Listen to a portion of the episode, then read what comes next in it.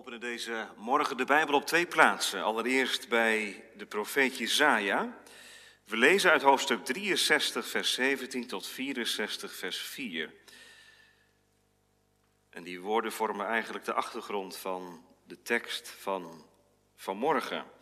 Dus Jezaja 63, vers 17 tot 64, vers 4 als eerste schriftlezing. Heren, waarom doet u ons afdwalen van uw wegen? Waarom verhardt u ons hart, zodat wij u niet vrezen?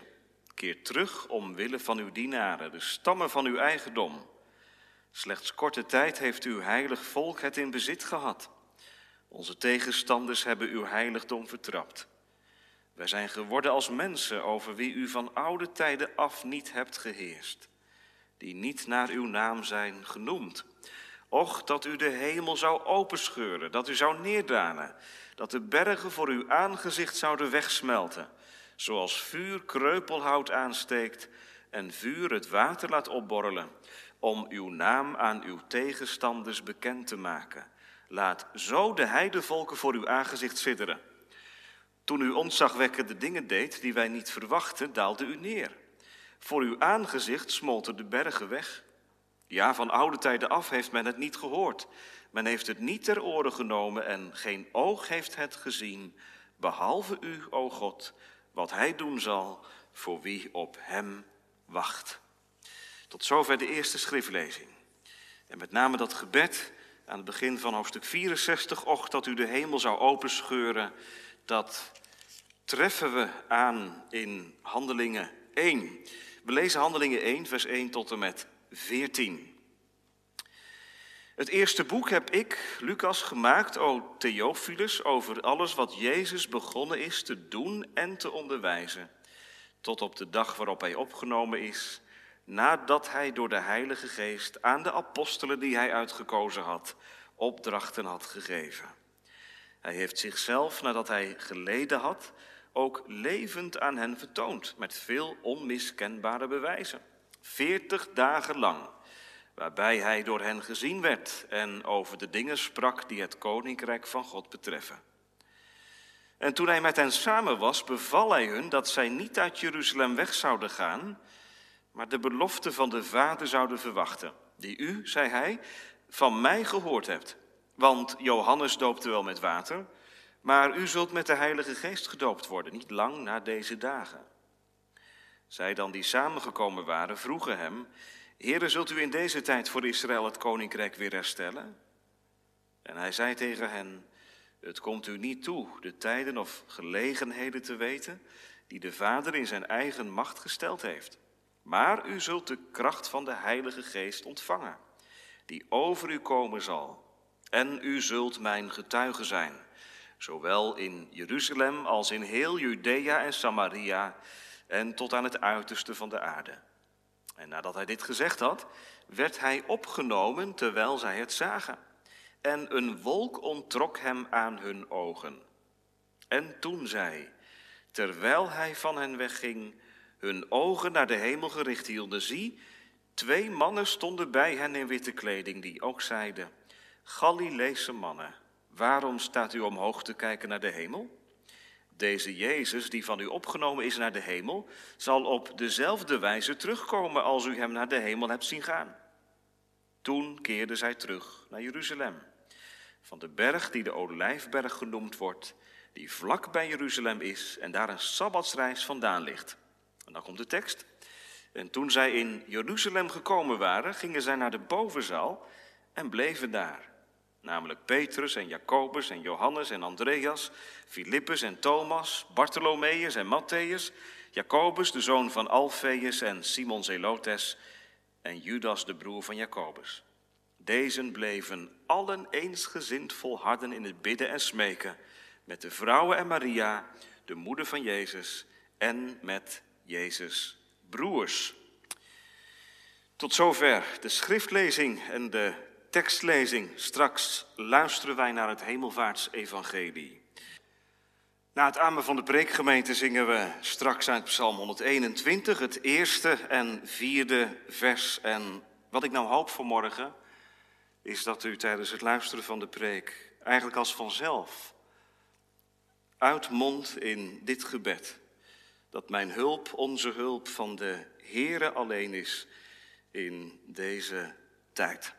Psalm 121, vers 1 en 4.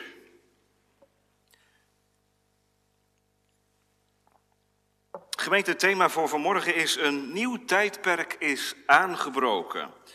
Een nieuw tijdperk is aangebroken. We staan stil bij twee gedachten. Allereerst in gebed verbonden.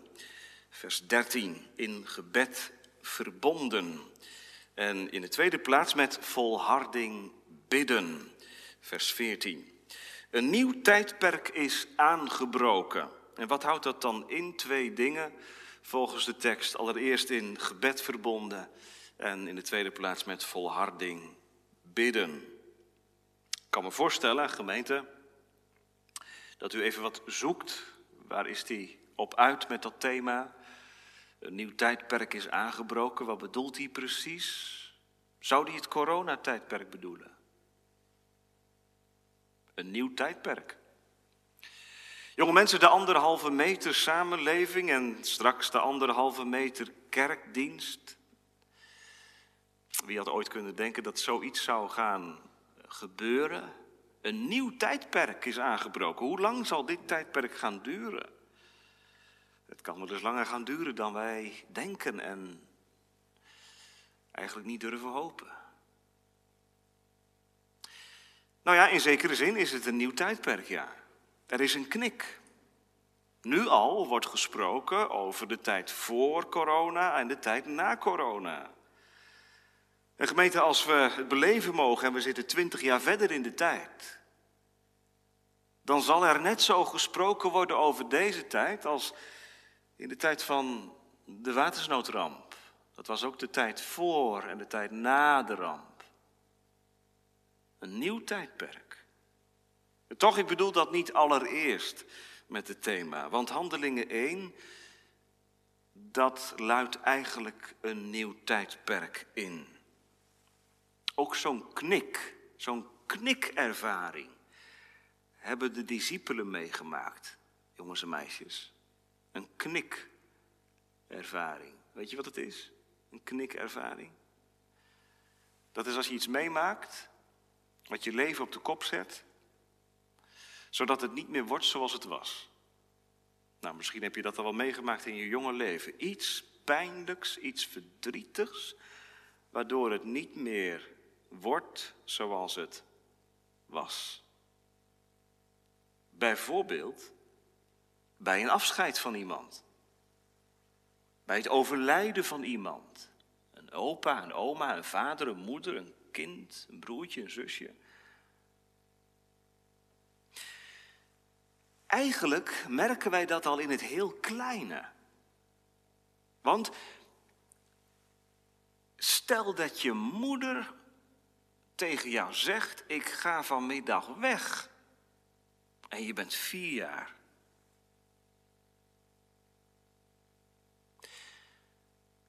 Dat vind je niet leuk. En als je je moeder ziet wegrijden, dat voelt heel naar van binnen. Maar je moeder heeft gezegd, ik kom terug. Jawel, maar ze is nu weg en je ziet haar niet meer. Nou, dat is zo'n knikervaring in het heel klein. Paar uurtjes. En ja, ze komt weer terug. Nou, iets soortgelijks gemeente, maar dan veel heftiger. Hebben de discipelen meegemaakt. De man met wie ze zo vertrouwd waren. Met wie ze ziel en zaligheid deelden. Met wie ze optrokken. Met wie ze aten en dronken. Met wie ze aan één tafel zaten. Met wie ze de uiterst vertrouwelijke gesprekken hadden van hart tot hart. Hij gaat weg. Dat is waar Handelingen 1 de vinger bij legt. Een nieuw tijdperk is aangebroken. Vers 9 en 10 vertelt het vrij feitelijk. Nadat hij dit gezegd had, werd hij opgenomen terwijl zij het zagen. Dat is nog pijnlijker, hè? Als je moeder ineens weg is, zonder dat je het hebt zien gebeuren, dat is pijnlijk. Maar het kan nog pijnlijker voelen als je je moeder ziet wegrijden van de dam. De auto, kijk je na. En de pijn, het nare gevoel neemt toe. De discipelen hebben Jezus zien wegvaren, tot het moment dat er een wolk voordrijft en ze Jezus niet meer zien. En dan hoop ik, kinderen, dat er iemand van jullie is die zegt: Ja, maar dominee, de Heer Jezus komt toch terug? Ja, dat is ook zo. Dat is ook zo. En het is heel goed dat je dat zegt, hè? En misschien, misschien word je daar wel heel blij van als je daaraan denkt. Zoals een kind een keer zei: Ik zie er naar uit dat de Heer Jezus terugkomt, dan doe ik geen verkeerde dingen meer. Dan doe ik geen zonde meer. Weet je, hij komt toch terug. En dan kijk ik maar even naar de grote mensen in de camera deze morgen. Hoe, staat dat ermee bij ons? Hij komt toch terug. We hebben het de achterliggende weken gedurig over gehad in de prediking. Dat dat heel vaak een, een aanhangseltje is in ons leven. Het hangt er een beetje bij. Hij komt terug. Terwijl de Bijbel één proclamatie is van degene die terugkomt. Het leven, ach ja, het wentelt voort. Ook in het coronatijdperk pakken we de draad weer op, u en ik. En we plannen en we kijken vooruit en we hopen dat het snel voorbij is en dat we op vakantie kunnen en noem maar op. En natuurlijk, het, het, het hoort erbij en het, het mag ook. Ja, het mag ook. Maar met dat het gebeurt, raken we het zicht op degene die terugkomt kwijt. Zo werkt het toch? Wees eerlijk. Zo werkt het toch? Gemeente, daarom staat dit eerste hoofdstuk in de Bijbel, weet u dat? Het begint niet met Handelingen 2, het begint niet met de uitstorting van de Heilige Geest, het begint niet met het Pinksterfeest, het begint met het afscheid, het begint met hemelvaart. Dat is de inleiding. Nadat Lucas zijn eerste boek geschreven heeft, en dat boek ging over Jezus. Dat was het evangelie van Jezus. Wat hij gedaan en wat hij gezegd had. Kijk maar in vers 1 van Handelingen 1. Schrijft Lucas een tweede boek aan Theophilus. En dat is het boek. Ja, waar gaat dat boek eigenlijk over? Weet u dat? Nou, waar gaat dat boek over? Ja, dominee, dat staat boven de handelingen van de heilige apostelen beschreven door Lucas. Ik heb daar eigenlijk een beetje moeite mee. Dat opschrift is niet geïnspireerd, dus daar mag ik moeite mee hebben. Ik hoop dat u er ook een beetje moeite mee hebt. Het, het zijn de handelingen van de Heilige Geest. Het zijn de handelingen van de Heilige Geest, waarbij hij de apostelen inschakelt. Jawel, zeker wel. Het eerste boek gaat over wat Jezus doet en onderwijst. Het tweede boek wat Lucas schrijft gaat over wat de Heilige Geest doet. Door mensen heen. En dat is te danken aan de belofte van de Vader. Waar staat dat? In vers 4. Kijk maar mee. Toen Jezus met hen samen was, beval hij hun dat ze niet uit Jeruzalem weg zouden gaan, maar de belofte van de Vader zouden verwachten. Dus, als Jezus weggaat, afscheid neemt, ten hemelvaart, is de belofte van de Vader datgene waaraan de discipelen zich mogen vastklampen in dat nieuwe tijdperk. Zonder zichtbare Jezus die je kunt vasthouden. Ja, dat lijkt ook wel een beetje op onze tijd, hè? Tijdperk van afstand. Je mag mensen niet zomaar meer een hand geven en vasthouden. Nou, dat is voor de discipelen ook voorbij. Afstand, geen anderhalve meter. Maar veel en veel verder is Jezus weg, niet meer binnen handbereik. Daar staan ze. En gemeente, als we er vanmorgen even tussen zouden gaan staan, en met hen zouden meekijken naar boven, dan zouden we dezelfde verweestheid ervaren, denk ik, als zij. Want dat is het, hè? Ze voelen zich verweest, bedremmeld. Kijk maar, hun ogen zijn naar de hemel gericht. Ze blijven maar kijken. Ze staren hem na. En ze krijgen het niet op een rij. Dit nieuwe tijdperk zonder Jezus. Maar wat was het laatste wat ze zagen? Dat staat niet in de tekst, maar dat staat in Lucas 24. Daar heb ik vorig jaar over gepreekt. Het laatste wat ze zagen waren de zegenende handen met de littekens. Zo voer Jezus ten hemel. Dat zagen ze, geen gebalde vuist. Jullie hebben mij verlaten. Maar zegenende handen. Nou gemeente, als ze dat zien, als ze dat zien, dat is toch genoeg? Onder de zegenende handen van de Heer Jezus mogen ze leven en straks het evangelie gaan verkondigen, de wereldzee op gaan varen. Is dat genoeg? Op dat moment, gemeente, komen er twee mannen in witte kleding. Terwijl ze naar boven kijken. En die zeggen tegen hen: Wat staan jullie daar te staren? Deze Jezus komt terug. Hey, wat doen die engelen? Want dat zijn het. Wat doen die hemelboden? Ze zeggen niet naar boven kijken, vooruit kijken. Niet naar boven kijken, vooruit zien. Hij komt terug.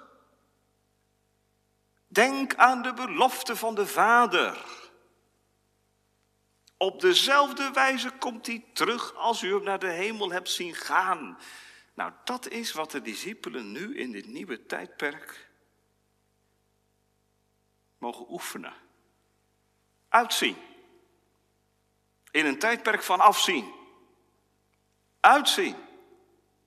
Verwachten. Want ze zijn er nog niet. Nee, het boek Handelingen telt 28 hoofdstukken. 28 hoofdstukken van strijd, van bloed, van zweet, van tranen, ook van groei van het woord, maar ook van veel verdrukking. Dit nieuwe tijdperk is een tijdperk van verkondiging, uitbreiding van het evangelie. Het begint in Jeruzalem en dan cirkelt het steeds grotere bewegingen tot aan de uiteinde van de aarde. Maar wat een moeite en wat een strijd kost dat. Uitputtend, hè? vindt u ook niet, deze, dit nieuwe tijdperk? Het is best uitputtend. Afmattend. De tijd tot Jezus terugkomt, gemeente, is een vermoeiende tijd. En die wordt er niet minder vermoeiend op. Lees de Bijbel maar. De tegendruk neemt toe. De Satan die weet dat hij een kleine tijd heeft, zal de druk laten toenemen. Gemeente, wat staat ons te doen? Wat staat de discipelen te doen? Weet je wat ik verwacht had? Nadat de, de, engelen tegen hen gezegd, zouden, gezegd hebben, niet naar boven kijken, vooruit kijken, dat ze tegen elkaar hadden gezegd, laten we de hand in elkaar slaan, dus geen tijd te verliezen, laten we nu het evangelie gaan verkondigen, want, vers 8, u zult mijn getuige zijn. We moeten getuigen. Nou, dat hoor je tegenwoordig ook, hè? De kerk moet nu getuigen. De kerk die moet de samenleving in. En de wereld moet het weten. Ja, maar dan sla je wel één belangrijk element over. En zonder dat is al ons werk ijdel leeg. In vers 8 staat het, u zult mijn getuige zijn. Maar wat staat ervoor?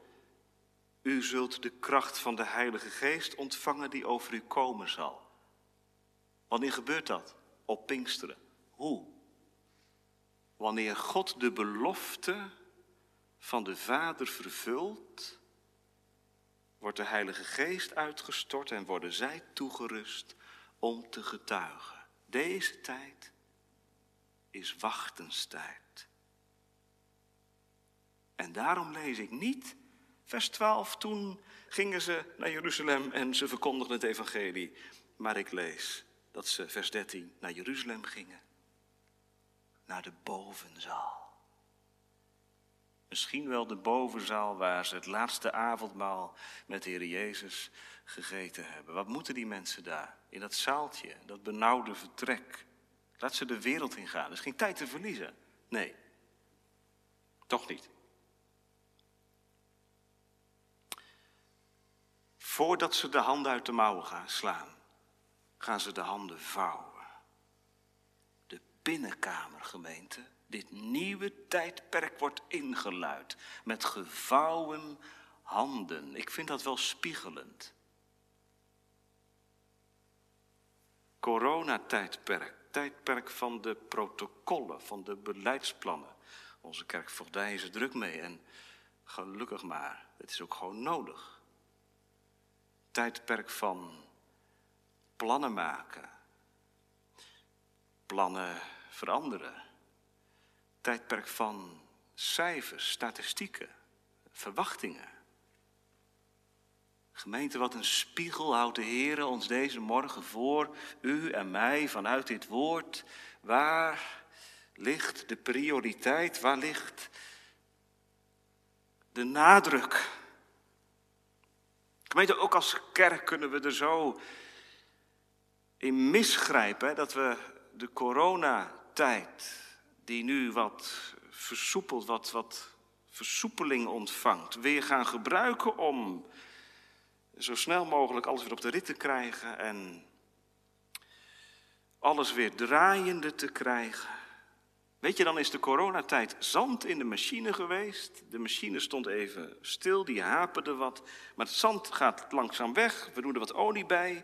De dominee maakt gewoon zijn preken iedere week. De huisbezoeken, nu nog digitaal, kunnen straks gewoon weer uh, fysiek plaatsvinden. Hopelijk de categorisaties weer. De, het kringen, hopelijk niet meer online, maar weer fysiek. En dan zijn we er weer. Dan hebben we de boel weer onder controle. En dan is het voor het oog weer goed.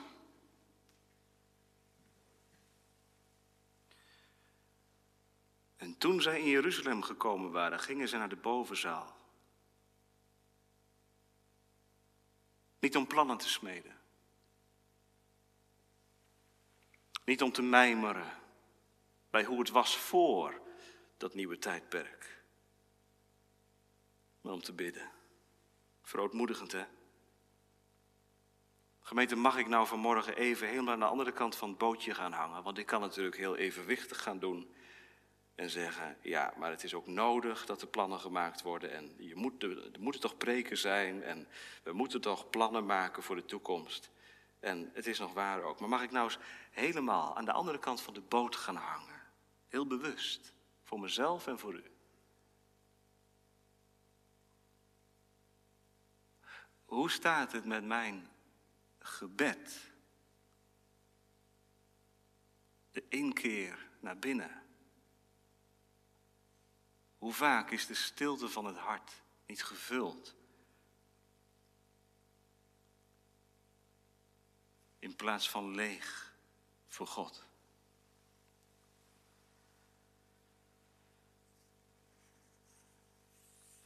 Hoe vaak heb ik gebeden deze week, achterliggende weken. Och, dat u de hemelen zou scheuren en dat u zou neerkomen. Gemeente, ik heb wel gebeden dat deze tijd snel voorbij zou zijn. En natuurlijk ook dat ik de lessen uit zou trekken. Maar wat als dit voortduurt? Wat als het nooit meer wordt zoals het was? Wat kinderen? Als de tijd voor corona niet meer terugkomt en we altijd moeten rekenen met die afstand en met bepaalde protocollen. Nou, zegt iemand, dan gaan we daar toch ons op uh, instellen. Met elkaar komen we er wel.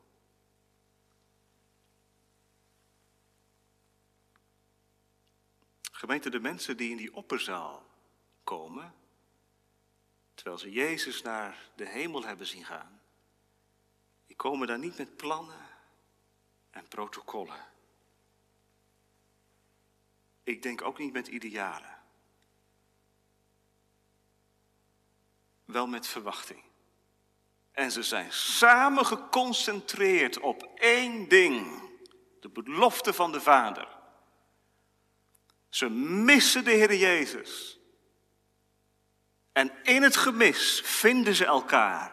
Want er staat nog wat uit, dat heeft de Heer Jezus gezegd. Ik zal de Heilige Geest geven. En de belofte van de Vader, dat is geen belofte om achterover te leunen. Oh, het komt wel goed op een bepaalde manier. Maar het is de, het start zijn, als het ware, om te hopen, te hunkeren, te verwachten. Al die mannen en vrouwen trouwens.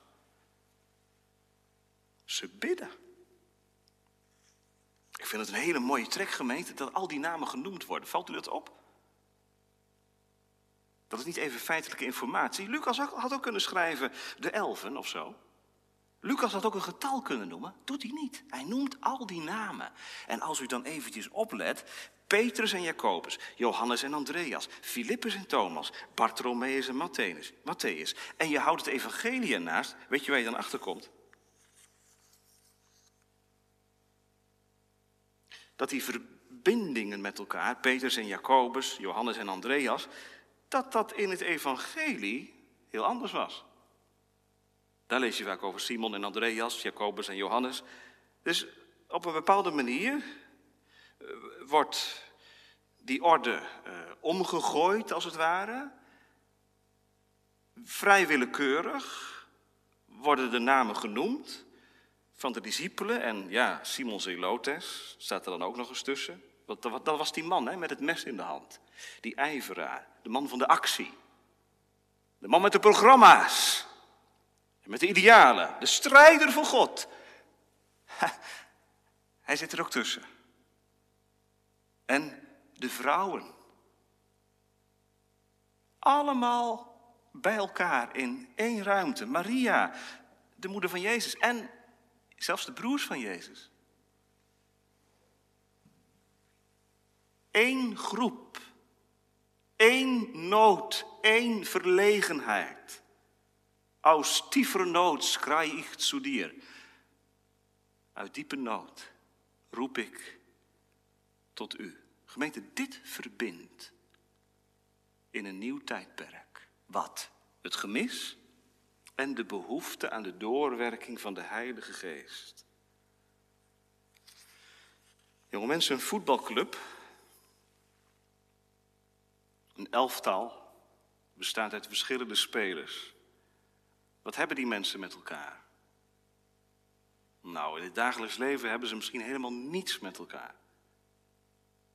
Maar op het veld wel. Dan hebben ze alles met elkaar. Waarom? Eén bovenpersoonlijk belang bindt hem. Wij gaan de wedstrijd winnen. De tegenstander die moet worden uitgeschakeld. En daar gaan ze voor. En zo rolt de bal over het veld. En werken ze samen. Terwijl ze in het dagelijks leven misschien, als ze niet op voetbal zaten, elkaar niet eens zouden groeten. Op het voetbalveld totaal anders. Het gaat mijn gemeente om dat bovenpersoonlijke belang. Kijk, we hebben allemaal belangen, verlangens, idealen uh, voor jezelf, voor het gezin, voor de gemeente, voor de wereld misschien ook wel. Maar is er ook iets wat bovenpersoonlijk is, wat daarboven uitstijgt? Voor deze mensen daar in die opperzaal wel. Weet je, ze zijn ook verschillend hoor. Kijk eens naar Petrus en zet Johannes er eens naast. Petrus zal de man van de vurige actie geweest zijn. Johannes meer de bezonkene. Nou, dat, dat levert zomaar botsingen op. En we weten uit het boek Handelingen dat er ook al botsingen zijn voorgekomen tussen kinderen van God. Zo realistisch is het boek Handelingen ook. Maar ze vinden elkaar daar. Op de knieën. Voor Gods aangezicht. Een nieuw tijdperk. Jezus is ten hemel gevaren. De Heilige Geest zal worden uitgestort. Er is nood, gemeente. En weet je wat je nou niet moet zeggen? Het moet dan eerst nog maar eens nood worden in mijn leven. Nee, het is nood. Alleen zie je het misschien niet. Nou, de Heilige Geest is erop uit om het je te laten zien. Nood, verlegenheid. Moet geen nood worden, het is het al. Bid erom vanmorgen. Dat die nood je verbindt aan God. O, dat u de hemelen zal scheuren en zult neerkomen. Gemeente, dit vers, koester het. Als je als lid van de gemeente deze morgen luistert. Dan zet je naam er maar tussen. En die naam uit de gemeentegids. Zo verschillend. In het dagelijks leven heb je misschien niets met elkaar. Maar in de gemeente aan elkaar gegeven. Wat verbindt? We zijn zo'n diverse gemeente. Ja. Wat verbindt? Ze gingen naar de bovenzaal en bleven daar bidden.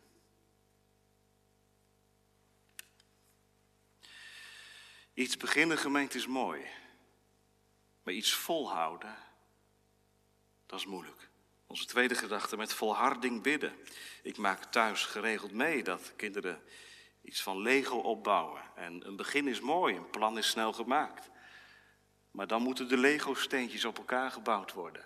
En om dat vol te houden, ook als het tegenslag is, als het niet gaat, als er een steentje zoek is geraakt, volharden. Dat is moeilijk hè, kinderen? Volharden. We lezen in vers 14, kijk maar mee in je Bijbel. Deze bleven allen eensgezind volharden. Eensgezind. Met één verlangen één nood, één verlegenheid volharden. Dat betekent dat ze ermee zijn doorgegaan. Tien dagen lang, totdat de geest werd uitgestort. Ja, en ook daarna. Kijk maar in Handelingen 2, vers 42. En zij volharden in de gebeden. Dan is de gemeente inmiddels al wat uitgebreid. En dan zie je dat ze ook volharden in de gebeden doorgaan. Gemeente, dat is wat dit nieuwe tijdperk uiteindelijk bedoelt te zijn. Een tijdperk van gebed. Terwijl Jezus afstand heeft ingebouwd, hij is nu bij zijn vader mag die afstand overbrugd worden door gebed. Ik mag het ook zo zeggen vanmorgen, hemelvaart, dat geeft nou ruimte aan u en mij om te bidden. Want Jezus is niet meer bij ons. Die, die afstand is geen verlies, maar is winst. Is ruimte om te bidden, te hunkeren, te verwachten, uit te zien. Ja, als iemand bij je is, hoef je niet uit te zien. Als iemand dichtbij is, hoef je niet te verwachten. Maar als iemand er niet is, nog niet is, uitzien dus. Dat is wat, wat deze mensen gedaan hebben. Volhardend bidden, en dan lees je nog een woordje erbij. Bidden en smeken. dus het is een heel intens bidden geweest. Daarom las ik Jezaja uh, eh, 63 ook. Want dat is een smeekgebed in de tijd van, van het oude Israël geweest. Och, dat u de hemelen scheurde. Dat is geen beleefd verzoek, wilt u dit, wilt u dat. Nee, dat is, o Heere, kom. Kinderen, doe je dat wel eens? Wanneer, wanneer smeek je? Misschien vraag je wel eens wat aan je vader. Dat kun je op een beleefde manier doen en dan verwacht je een antwoord. En dat gaat heel rustig. Maar smeken is iets anders. Bidden en smeken, dat betekent dat je in nood zit. Dat je niet meer ziet zitten. Dat je naar beneden komt s'avonds. Ik kan niet slapen. Ik zit ergens mee. Ik ben bang. Ik zie ergens tegenop. En dan smeek je eigenlijk. Papa, help. Mama, wat moet ik doen? Stel mij gerust. Dus smeken veronderstelt nood. Nood. En ik heb al gezegd, die nood is er. Ook vandaag. Wij hebben nood aan God, gemeente. Nood aan God. U ook? Aan de doorwerking van Gods geest in ons leven, in de gemeente. Dat is niet iets wat we uiteindelijk voorbij raken. Dat, is, dat hoort bij dit tijdperk. Bij deze eeuw. Bij het leven tussen eh, hemelvaart en wederkomst. Bidden. Volhardend bidden. Niet in het luchtledige wat roepen. Nee, de belofte van de Vader. Die lag er. En gemeente, zoveel beloften als er zijn in de Bijbel. Dat zijn even zoveel stapstenen om door het moeras van het leven heen te komen. En nu hoop ik natuurlijk dat je zegt, ja, dat heb ik uit eigen ervaring ondervonden. Dat de beloften van God mijn hart verkwikt hebben, mijn ziel vertroost hebben. Door de tranen heen kon ik daarop rusten. Stapstenen in het moeras. En dat bindt samen. Ook vandaag. Ik weet niet hoe u luistert, vanuit welke situatie u luistert. Misschien voelde u zich wel machteloos. Of verbitterd. Of vermoeid. Of verward. Of welke emotie de boventoon ook voert. Dit kan ook zijn het ontbreken van emotie, van gevoel. Dor, doods, droog. Handelingen 1, vers 14 is een spiegel.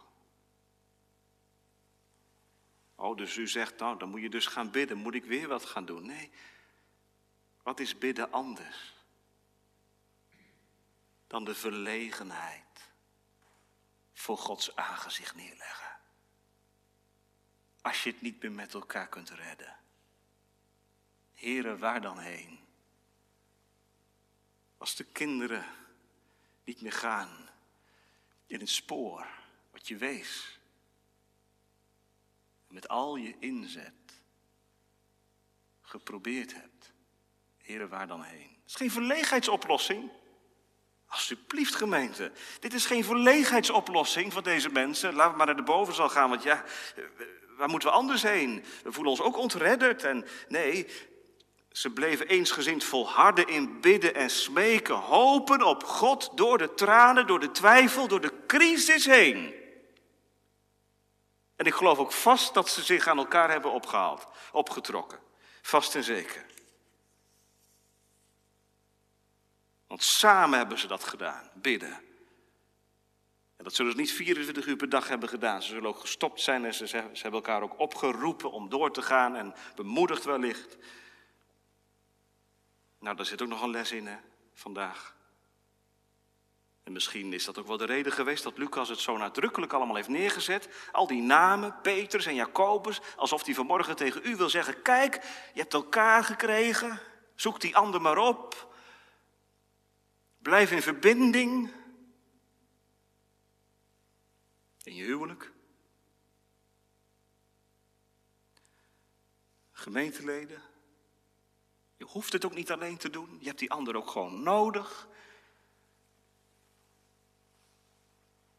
In ieder geval. Ze hebben volhard. En nu is het risico groot dat ik vanmorgen op de preekstoel en dat u vanmorgen thuis daar een heel, heel heilig plaatje van, uh, van, van maakt. En misschien hebt u dat ook wel gedaan in uw hoofd. U zegt, oh ja, ik zie het voor me, een opperzaal. En dan zie ik heel veel mensen op de knieën liggen. En die zijn aan het bidden met ernstige gezichten. Ja. En voor je het weet is de afstand ingebouwd. Ik luister vanuit mijn huiskamer, dominee, in de concreetheid van mijn bestaan. in mijn drukke leven, in mijn geleefde bestaan. Het is soms zo verknipt.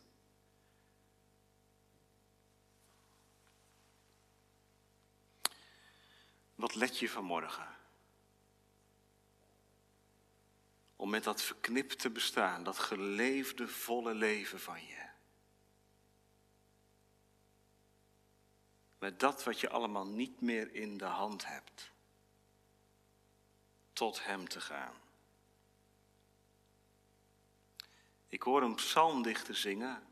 Al wat uw mond aan mij had toegezegd, gaf aan mijn hart vertroosting, geest en leven. Dat betekent dat Gods toezeggingen je ziel kunnen verkwikken. Psalm 94 spreekt daar ook van. Terwijl voeten uitglijden, bestaan heen en weer geschud wordt, hebben uw vertroostingen mijn hart verkwikt. Wat zijn Gods vertroostingen? Zijn beloften. In het donker is dat het spoor van licht. Aarzel niet om dat spoor van morgen te gaan. God nodigt je ertoe uit. Wist je dat? We hebben het gezongen, hè? Psalm 27. David zegt het. Heer, ik, ik kom maar naar u toe, want waar moet ik anders heen? Maar u zegt het zelf. U zegt, zoek mijn aangezicht. Hier ben ik, heren. Ik zoek uw aangezicht. Neem mij aan in genade. Deze bleven alle eensgezind volharden in het bidden en smeken. Gemeente, laten wij niet vergeten dit, dit plaatje wat ik nu oproep vanmorgen in de preek te verbinden met de rest van handelingen. Want, want hier begon het wel, hè? Ik bedoel, als Paulus straks bij de keizer in Rome is, het is hier begonnen hoor. Je zei, ja, dan ben ik het helemaal met u eens. Handelingen 2, daar begint het. De uitstorting van de Heilige Geest. Nee, het begint in Handelingen 1. Daar begint het. God regeert de wereldgeschiedenis door de gebeden van zijn kinderen. Hij weeft de gebeden van die stakkers, van die stumpers, als een Petrus en Jacobus, die weeft hij op zijn goddelijke manier in in zijn plan. Daarom kan Paulus later de gemeente van Rome oproepen om te zeggen en te zeggen, gemeente, strijd in de gebeden met mij voor God. Jonge mensen, bidden is niet iets zeggen tegen God. Maar ja, hij gaat toch zijn eigen spoor, hè, zoals je een docent kunt hebben, tegen wie iets zegt. Maar ja, wat je ook zegt tegen hem. Het is tegen Dovermans oren gezegd, want die man heeft toch zijn eigen gedachten en zijn eigen eh, patronen. Het helpt niet. Nee, dat is niet waar. Zo is God niet. God hoort. 150 psalmen zijn daar getuigen van.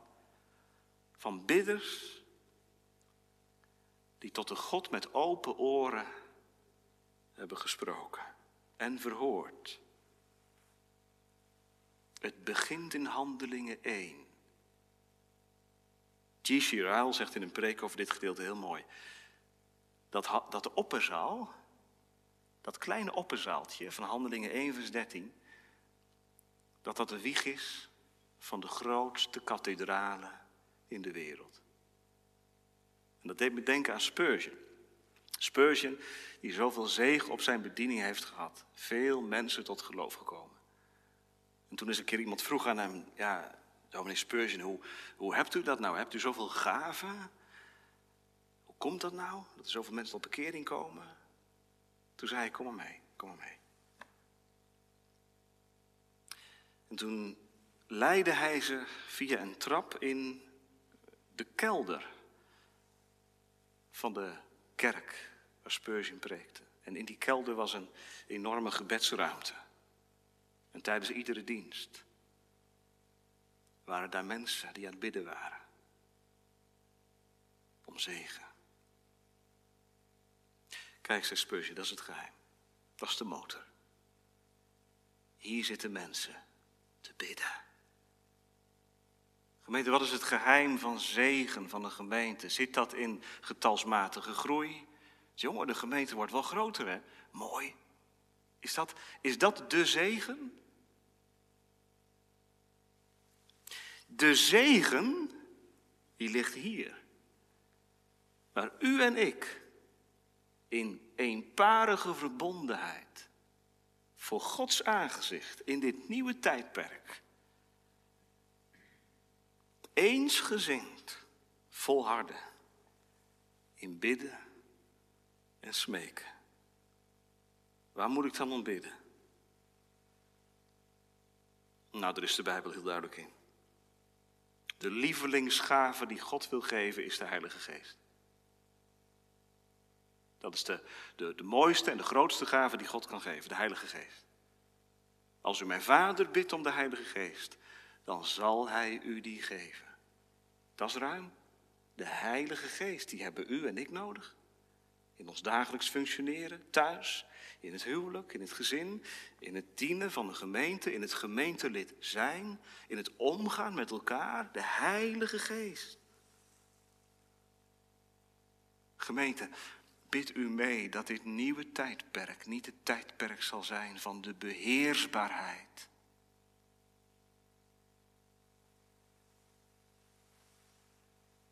Maar dat de kerk in het nieuwe coronatijdperk zal leren. En dat begint bij mij en bij u. Alle goeds komt van boven. Ja, en dan zullen er ook gewoon vergaderingen gehouden moeten worden. Hoewel die vergadercultuur misschien ook wel een beetje minder kan. Handelingen 1, vers 13 en 14. Een nieuw tijdperk aangebroken.